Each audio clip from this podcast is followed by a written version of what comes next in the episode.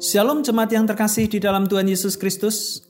Penuntun saat teduh Sinode Gereja Kristen Jakarta hari ini, Senin 9 Mei 2022. Panggilan kebenaran, 2 Tawarih pasal 19 ayat yang ke-6. Berpesanlah ia kepada hakim-hakim itu, pertimbangkanlah apa yang kamu buat, karena bukanlah untuk manusia kamu memutuskan hukum, melainkan untuk Tuhan yang ada beserta kamu bila kamu memutuskan hukum. Pengalaman adalah guru terbaik. Begitulah kata seorang filsuf dan orator dari kelompok Stoa Romawi, Cicero. Ungkapan ini pun disetujui banyak orang. Dari peristiwa yang terjadi pada masa lalu, seseorang dapat mengambil pelajaran sebagai bekal melangkah di masa depan. Penyelamatan dari maut yang dilakukan Tuhan pastilah menyisakan pengalaman yang amat mendalam bagi Yosafat.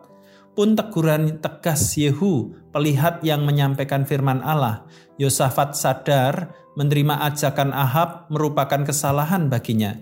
Yosafat masih beroleh kesempatan bertobat dan memperbaiki diri.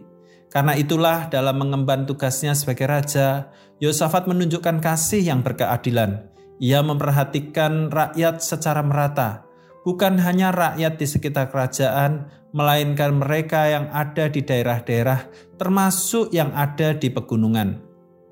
Yosafat juga mendorong rakyatnya hidup benar, dengan hanya menyembah Tuhan saja. Dalam mengangkat hakim-hakim, Yosafat juga memberikan instruksi supaya mereka melakukannya bagi Tuhan, bukan bagi manusia. Mereka harus bekerja berdasar rasa takut akan Tuhan dengan kesetiaan dan ketulusan hati.